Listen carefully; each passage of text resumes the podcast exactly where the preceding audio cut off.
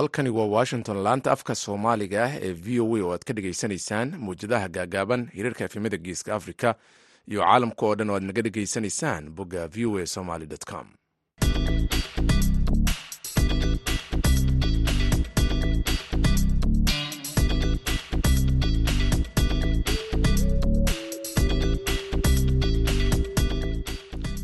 duur wanaagsan jimco wanaagsan dhegaystayaal idilkiinba meel kastoo aad joogtaan. Saacadda afrikada bari waxay tilmaamaysaa kowda iyo barka duhurnimo.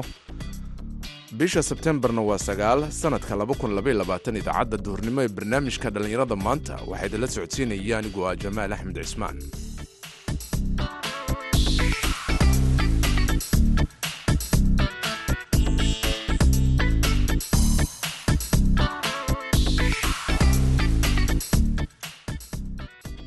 qodobada aad idaacadda duhurnimo ee barnaamijka dhallinyarada maanta ku dhegaysan doontaan waxaa ka mid ah. Barnaamijkii sooyaalka dhaqanka oo aad maalmahan oo kale aad dhegaysataan oona toddobaadkan ku eegi doonno kaalinta fanka uu kaga jiro dhaqanka soomaalida. Wuxuu ku dhisan yaho asalkiisaba dhaqanku ku dhisan yahay waa fanka.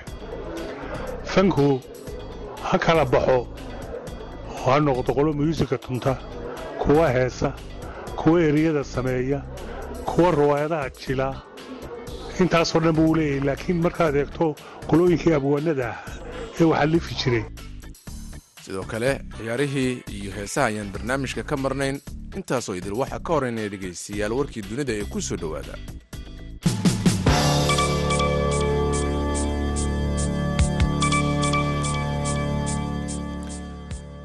boqor jaarleska saddexaad iyo qoyska boqortooyada ingiriiska ayaa jimcihii waxay bilaabeen inay u baroor diiqaan boqoradda elizabeth labaad taas oo socon doonta ilaa iyo toddoba maalmood kadib aaska qaran sida ay saraakiisha boqortooyadu sheegeen kadib geridii boqoradda waxaa rabitaanka boqorka waxaa rabitaanka boqorka ah uu yahay in muddo baroor diiqa la sameeyo laga bilaabo hadda ilaa iyo toddoba maalmood kadib aaska boqoradda ayaa lagu yidhi bayaan ka soo baxay qasriga taariikhda aaska ayaa la xaqiijin doonaa ayuu bayaanka sii raaciyey.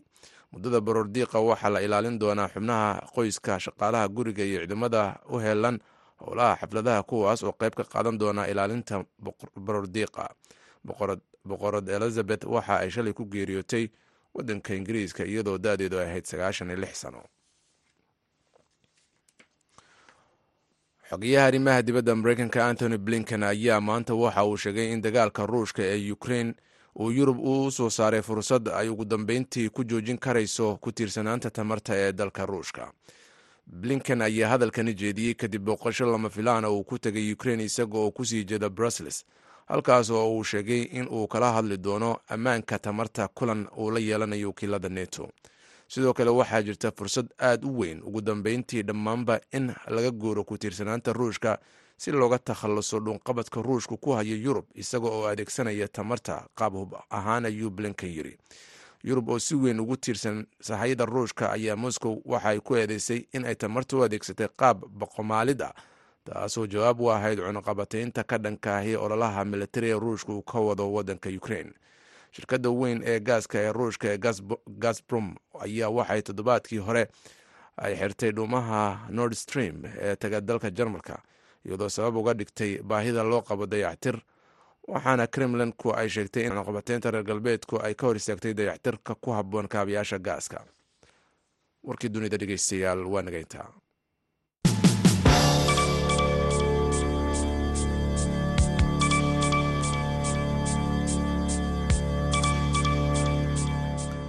duur wanaagsan oo jimco wanaagsan mar kale dhegaystayaal waxaad markana ku soo dhowaataan barnaamijka sooyaalka dhaqanka. Waxaa boorama ka soo diyaariyey wariyaha v o a haashim sheekh cumar good.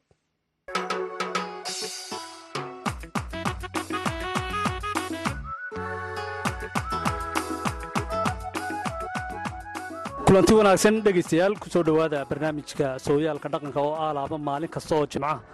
Aad hadahan oo kale ka dhegaysataan idaacadda duhurnimo ee barnaamijka dhallinyarada maanta ee laanta afka soomaaliga ee v o a barnaamijkeenna sooyaalka dhaqanka ee toddobaadkan oo uu marti inoogu yihiin abwaan bashiir xaddi axmed iyo abwaan maxamuud cabdilaahi guuleed oo loo yaqaano geestiir iyo abwaan yuusuf cabdilaahi kaahiye. Waxaynu ku soo qaadan doonnaa toddobaadkan mawduuc ku saabsan fanka iyo tiirka uu kaga jiro dhaqanka soomaalida. Ugu horrayn abwaan bashiir xaddi axmed oo ka mida abwaaniinta waaweyn ee soomaalida fankana ku soo jiray ilaa lixdameeyadii muddona ka maqnaa.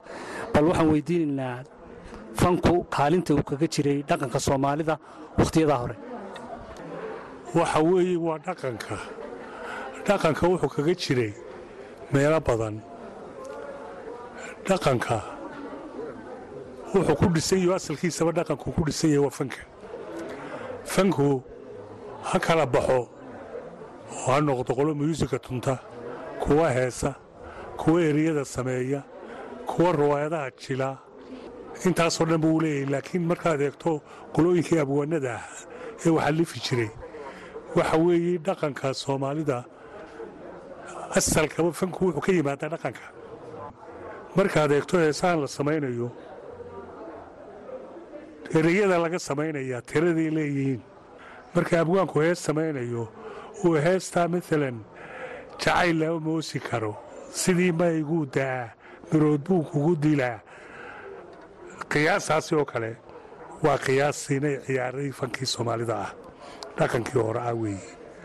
Marka dhaqanku waxa weeye waa waxa ummadi ku nooshahay ummadi ku dhisan tahay ee taariikhdeeda iyo waxay tahay iyo waxoo dhan muujiyo weeye. Abwaan bashiir xaddi waxaan wax ka weydiiyey sida fanku uga soo qayb qaatay ilaalinta dhaqanka suuban ee soomaalida iyo sidii abwaanadii hore ee samayn jiray riwaayadaha soomaalidu ay bulshada ugu tilmaami jireen dhaqanka toosan ee ay sooyaalka u lahaayeen. Waxaa jira fanku wax badan buu ka soo qaatay.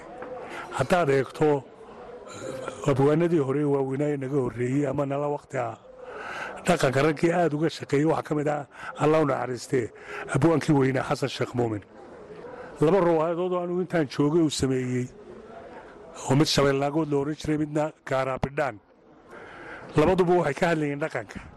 Shabeelnaagood waxay ka hadlaysay. Raggan gabdhaha dariiqaduu joogsadee duufsadaa ee intuu humxumeeyo hadhowna ka tagaa. Ayay ka hadlaysay. Iyo sida loo dawaynayo sida loo hagaajinayo. Anigu xamar baan joogay. Markii riwaayadda la sameeyey riwaayaddaa shabeelnaago inay shabeelnaagood fasax baan hargeysa ugu soo maqnaa. Markaan noqday riwaayaddoo diyaaroo la dhigayo oo ay ka dhiman tahay heestii lagu xidhigay ayaan tegey markaa heestii lagu xidhigay baan anigu laxankeyga iyo muusigeyga sameeyey riwaayaddaasi raadreec weyn raadraac weyn bay ku reebtay xamar iyo waddankii hablihii shabeelnaagood jarkiisa namooti ayaa la odhan jiray. Yacnii waxay tustay wuxuu xasan muujiyey dariiq cad hablaha uu digey raggan intay si yaroon beriga xamar waa loo jiray. Shaneemada ka bixi. Shaneemadii xabad kookaa ama cashada iyo hablaha lagu xumayn jiray. Xasan digniin weyn buu ka bixiyey. Riwaayaddiisii labaad gaaraabidhaan iyana nafsashabaydo waxay ka hadlaysay dhaqanka. Heesta la oranaya babaygii jamaamiyo ninkani markuu ina taamaa babaygii jamaamiyo camba jiliibku yaalo ubaxii shanaaliyo jawaareed lamoodiyo markuu soo wado jiidaynkaagu raaxada ma mid jaahilka ah baabuu oran jira ku soo goynaya yani aynu wadatamanu leeyahy war sideen jawharadayda ciyaar ugu jejebiyaabay ugu jawaabisay yacni si dhayala. Waxay ka hadlaysay tii waxay la daba socotay. Ha isaga ninkii bay u jawaabiso.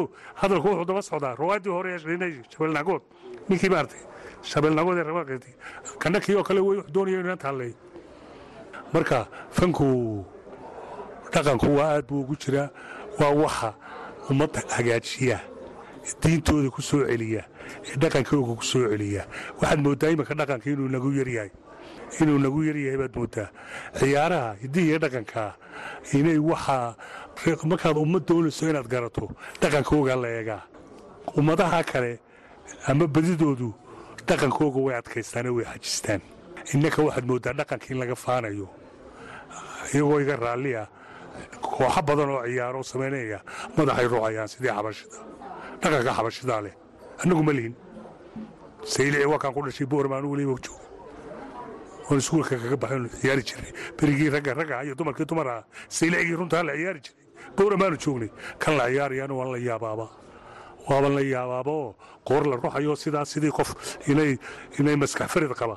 Ayaad mooddaa la ciyaarayo. Waxaa leeyahay dhaqanka sidiisaa lagu soo celiyo dhaqanku waa tiir dhexaadka bulshada waana astaanta lagu garto qowmiyadda. Sida uu mar kale inoo sharaxaya abwaan bashiir xaddi axmed oo soo maray fankii hore ee soomaalida. Dhaqanka gaar ahaan sidiisaa lagu soo celiya dhaqanku waa hooyada. Waxa weeye ummad wax lagu garto. Ummadi waxay leedahay dhaqan ummad walba dhaqankeega inay ku socoto. Bal imigana abwaan maxamuud cabdilaahi guuleed oo loo yaqaano abwaan geestiir ayaan isagana wax ka weydiiyey fanka iyo halka uu kaga jiray dhaqanka hore sooyaalka soomaalida iyo kaalinta uu bulshada ugu jiray. Waad mahadsantahay haashim. Horta dhaqan iyo fan iyo hees iyo gabayba waxaa ka warramay bashiir xaddi axmed oo macallimiintayda ka mid a waa raggii fanka. Meel soo gaadhsiiyeyah horta marka fan la yidhaahdo dadku kelmadda fan ma yaqaanaan waanay sii macneeyaan dadka ujeeddada gaarka liyaho wax kale ayba ka dhigaan laakiin fan waa dhaqan ummadina haddaanay dhaqan lahayn ummad maa fanku waa udubdhaxaadka waxa weeyaan dhaqanka dhaqankuna waa udubdhaxaadka maaratan ummadda ummaddu markaa waxa weeyaan inay dhaqankeeda ilaalsato bashiir baa ka hadlay iminka weerar badan baa inagu socda dibadaha ka socda xaggii dhaqanka laynaga soo galayaa waxay u baahan tahay saa bashiir sheegay in ummadda dhaqankeedii lagu soo celiyo kii ayay mar sidan oo kale dhacdo. Markaynu magaaloobaynay weerarro badan bayna soo galayoo. Ciidamadii iyo maaratan dee siyaasadihii yurubta ee meel walba dee maarata afrika soo galay ciyaarayo heesay la yimaadeen kuwo kaloo ganacsiina wax kaley la yimaadeen. Ummadeennina dhaqankii baadiyahay ku hadhay bay ahayd. Magaalooyinkii markaa waxaa la hajaan qaaday. Ciidamada iyo dhaqannadaa kale. Ilaahay waa kii de u keenay. Cabdisilmo iyo iyo qadiijo balwo. Fanka maanta la hayo waxa soo geliyey magaalooyinka oo baadiyihii intuu ka keenay keenay cabdisilmo si dhaqankaa looga saaro meesha soo duulay ay soomaalidu la qabsatay aroosyada loogu ciyaarayey maxaa ku dhahdaa dhaqannadii dee ajaanibka xafladaha lagu qabsanayey waxaa weye ninkaa cabdisilmo buu ilaahay u diray. Dhaqanku waa wax lagu dagaalamo. Waxay markaa dhaqanka lagaala dagaalamayo inaad hawayaan noqotaa la rabaa. Dhaqankeennu waa ka wanaagsanee diinta ku lamaan weeye dhaqanka wanaagsani waxa weeyaan waa diin. Marka inaad dhaqan wanaagsan oo diinta ku lamaan ay ummaddu lahaataana waa lagama maarmaan. Fanka iminka joogaay waxaad mooddaa waxoogaa inuu dhaqanka barbar socdo. Taana waxaa keenaya burburkii hore soomaaliya la soo jaan qaaday oo fankii horena wax gaboobay iyo wax dhintay noqdeen ee wax laga baran lahaa. Waana la kala yaaco dee dunidaa la kala galay. Abwaan maxamuud cabdilaahi guuleed oo loo yaqaano abwaan geestiir ayaan weydiiyey dhaqanka soomaalida iyo sida fanka casriga ah iskula jaan qaadi karaan. Iyagii markaa dhallinyartan iminka dambe waa dhallinyaro firfircoon waa dhallinyaro aad u cod macaan waa dhallinyaro muusika aad u baratay waxoogaa sidii fanka ay ugu xidhiidhin lahaayeen akhlaaqaadkiisii iyo dhaqanka si iskugu xidhi lahaayeen baa ka maqan. Waxaa laga yaabaa iminka markay dee da'da soo gaadhaan inay iyaga laftigoodu soo noqdaan. Waxaannu iminka kadib isku dayaynaa bal in bal fanka dhaqanka la waafajiyo lagu daydo raggaa hore iyo gabdhaheennaa hore ee fanaaniinta ahaa. Abwaan geestiir oo ka mida martida barnaamijkeenna ayaan weydiiyey waxyaabaha tiknolojiga cusub ka bedeli karo masraxiyadda ruwaayadaha iyo qaabkii loo mateli jiray iyo sida horumarka tiknolojiga ay fanka soomaalidu ula jaan qaadi karaan. Waxaan malaynayaa inaanay inoo suuro gelayn ruwaayadihii sababtoo ahna tiknolojigan maanta jira ayaa wuxuu diidayaa dee inaad tiyaatar iyo ruwaayad maarata la daawado. Wixiiba dee waxaa laga daawanayaa maaragtaan dee youtube ama dee facebook baa laga daawanayaa. Habase ahaatee kaa lafteeda la rabaa inaan inta loo qalab qaato maarata dhaqanka laga fidiyo oo maarata lagu dagaalgalo wax wanaagsan wax fiican buu leeyahay. Inaan halkaa laga fidiyo inaan ku dayanno ruwaayadihii hore ee raggaa hore iyo hablaha hore ay noo samayn jireen wacyigelinta ahaa iminka saa uu ka sheekeeyey bashiir. Labada silsiladood isbarbar socdaa gebigeeda horta fankuba ruwaayad ama filin ha aado. Waa laba un. Waa waddo wanaagsan iyo wadda xun.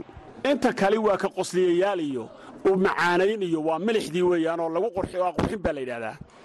Mar waxaa xoog badan waddada wanaagga sheegaysa. Waxaa markaa u dambaystan laga adkaadaa waddada qaldan.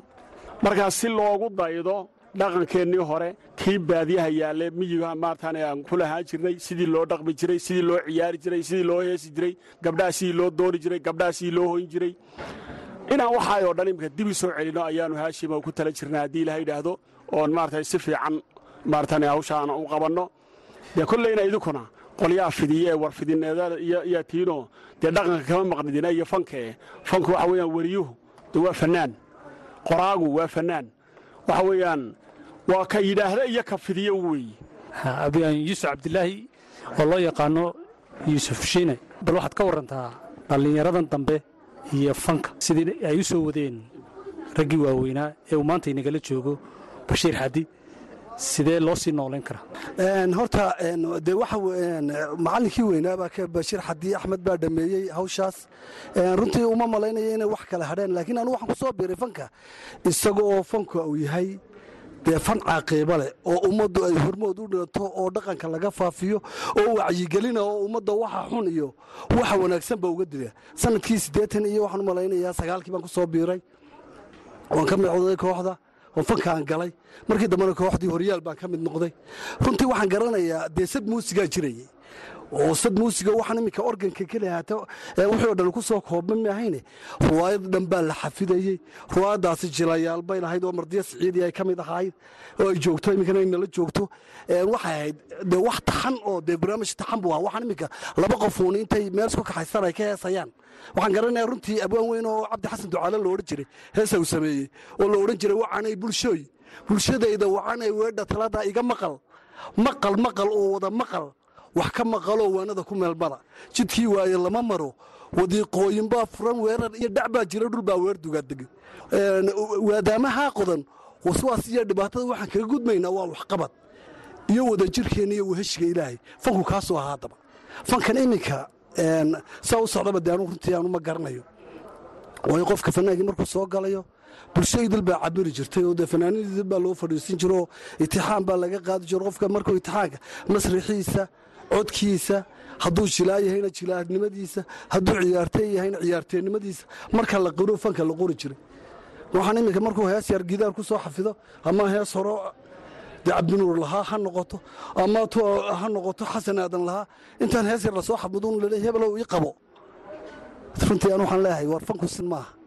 Fankii horaa lagu soo noqdo haashim sheekh cumar good aad baan kuugu mahadnaqayaa. Waad salaamatahay hun intaas waxaynu ku soo gunaanadaynaa barnaamijkeennii sooyaalka dhaqanka ee toddobaadkan oo ay nagala qayb qaateen martina inoogu ahaayeen abwaan bashiir xadi axmed oo ka mid ahaa fanaaniintii hore ee soomaalida ee musishanka iyo laxamiistaha ahaa.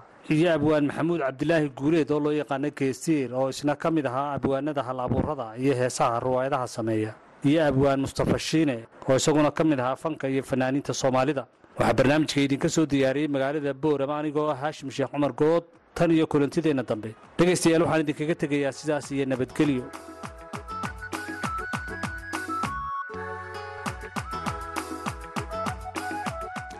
aad buu mahadsan yahay haashim dhegaystayaal. Markan waxaad ku soo dhowaataan barnaamijka umuuraha islaamka. Cabdixaafid cawil ismaaciil ayaa nala socodsiinaya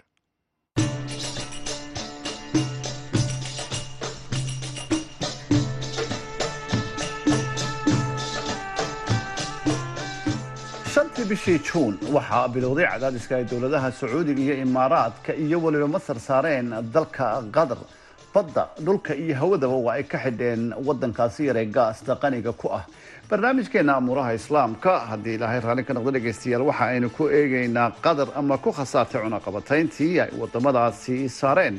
Mise waa ay ka faa'iiday? Maxaase kale ee ka soo gaadhay dalalkaasi dhinacooda? Faa'iido mise khasaare? Kulankii koob iyo afartanaad ee golaha iskaashiga dowladaha carabta ee khaliijka waxaa lagu go'aamiyey in qatar laga qaado cunaqabataynta ganacsiga iyo socdaalka waxaana ka dambeeyey in la soo celiyo xidhiirkii diblomaasi ee dalkaasi loo jaray xeeldheerayaasha siyaasadda gobolka qaarkood ayaa aaminsan in cunaqabatayntaasi kor u qaaday siyaasadda iyo dhaqaalaha wadanka qatar.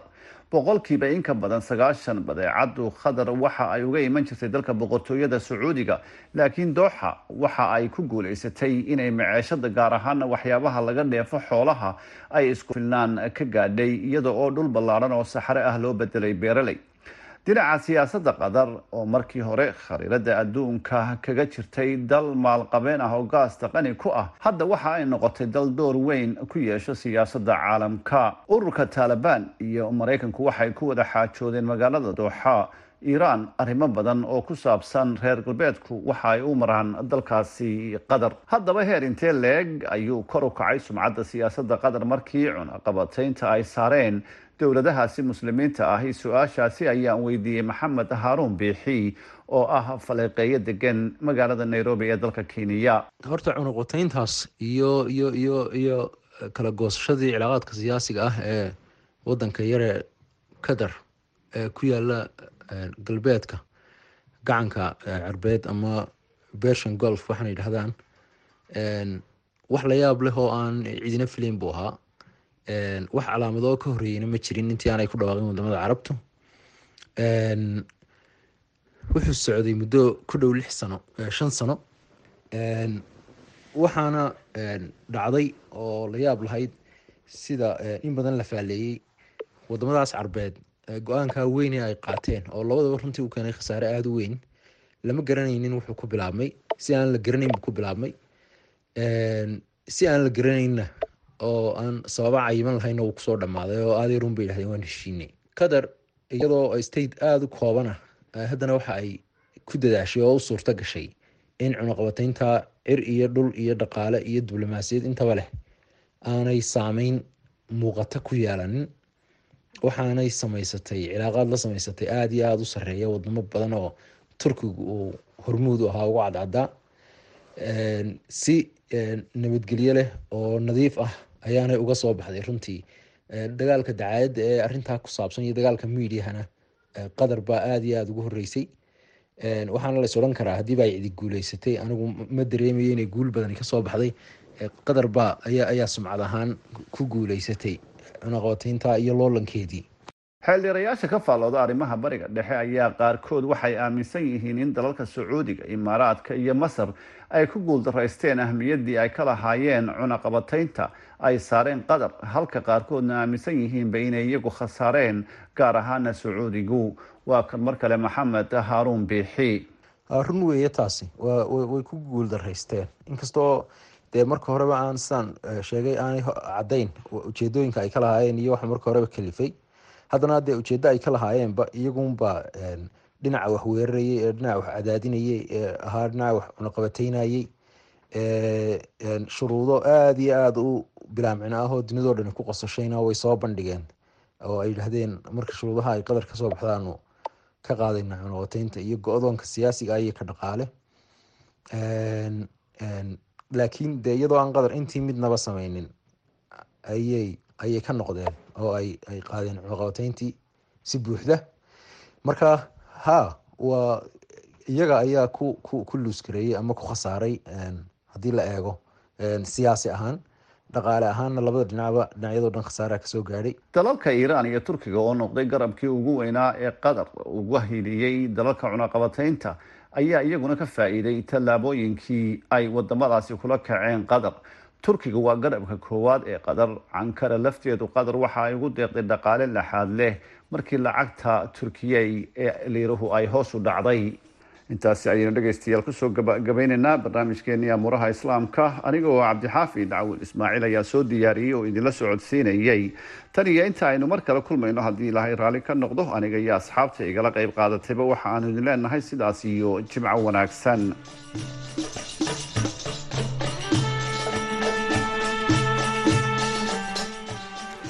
aad buu mahadsan yahay cabdixaafid dhegeystayaal markana wararkii ciyaaraha gaar ahaan kulamada dhici doona ee horyaalada kalgedisan yurub ayaanu gudagalaynaa. Inkastoo horyaalka ingiriiska kulamada dhici lahaa la kansalay sababa la xiriira geerida boqorada elizabeth ayaa haddana dalalka qaar ee sida liig wanka faransiiska iyo liigaha iyo kuwo kaleba ay ciyaari doonaan kulamada maanta liig faransiiska lens waxay la dheli doontaa naadiga troye halka dalkaasi spainna verona ay la dheli doonto naadiga rio valladolid bundesliigahana waxaa beder bremen la ciyaari doonta augsburg. Hase yeeshee kulamada badankood beri ayay dhici doonaan waxaana naadiga p s g ay la dheli doontaa naadiga brest ee dalkaasi liigwanka faransiiska marka la fiiriyo halka sidoo kale kulamada kale ee dhici doona ay yihiin kuwo markaa ay kooxuhu isku arki doonaan maqse iyo liil ayaa kulan kale oo xiise badan beri dhexmari doona horyaalka zeriada dalka talyaaniga. Haddii aynu gudagalnana napoli oo dhowaanta wacdar ka dhigtay champions leaga isla mar ahaantaasna ku durdurisay naadiga liverpool ay isku gruub yihiin ayaa la ciyaari doontaa gegadeedana kula ciyaari doonta naadiga sbezia halka inter milan guuldaro kala kulantay naadiga bayan munich. Ay mar kale doonayso in ay ka soo laabato guuldarooyinkiis xigay dhowaanahan soo gaarayay waxaana ay gegadeeda ku martigelin doontaa naadiga torino. Zamdoria iyo milan ayaa sidoo kale ballansan kulamadaas beri ay dhici doonaan laliga dalka sbain rayo vallecano iyo valencia ayaa kulan xiiso badan. Sbanyol waxay la dheli doontaa naadiga sevilla halka cadis ay martigelin doontaa naadiga barcelona. Atletico madrid waxay la ciyaari doontaa naadiga salta vigo. Dhegeystayaal naadiga bayan munich ayaa bundesliga dalka jarmalka waxay la ciyaari doontaa naadiga stuttgart. Frankfurt iyo valsburg ayaa dheli doonaa halka berlin leverkusen ay la ciyaari doontaa halka dortmund ay la dheli doontaa naadiga rb leipzig. Xubinta ciyaaraha dhegeystayaal halkaas ha inoo joogto markana dhinacii heesaha ayaanu goordhow jalaci doonaa oo aan idiin soo gudbinaynaa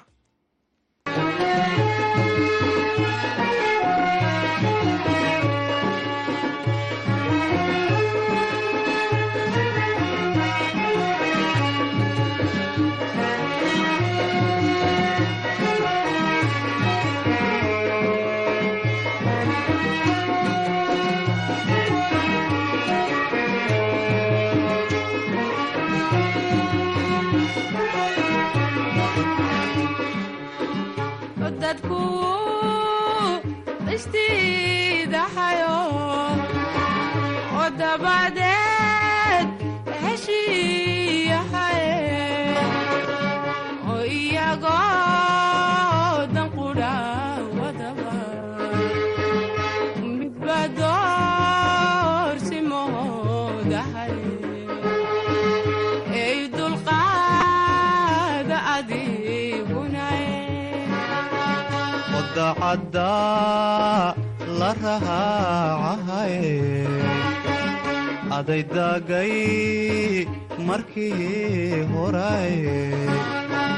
wadacadda la rahaacahaye adaydagay markii horaye dumarna fiira laga rohole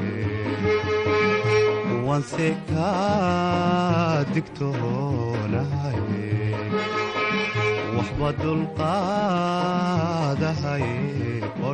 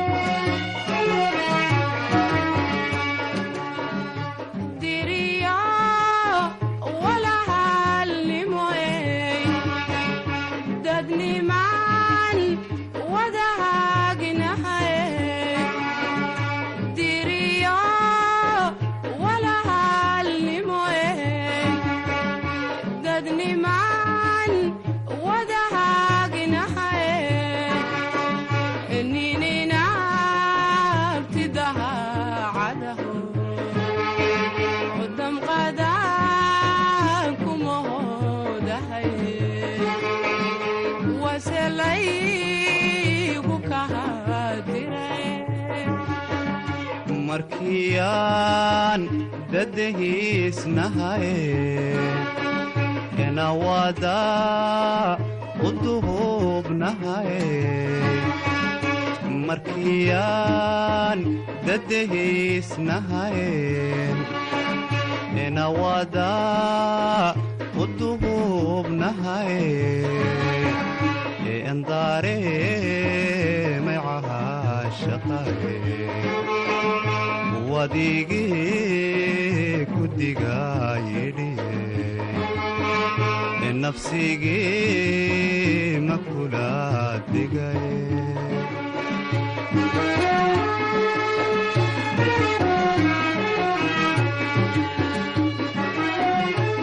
waa tahay dhegeystayaal heesaasi ayaa gabagabo wahayd idaacaddeenna duhurnimo ee barnaamijka dhallinyarada maanta tan iyo afarta galabnimo intaan hawada mar kale ku kulmi doono waxaan idinkaga tegayaa nabadgelyo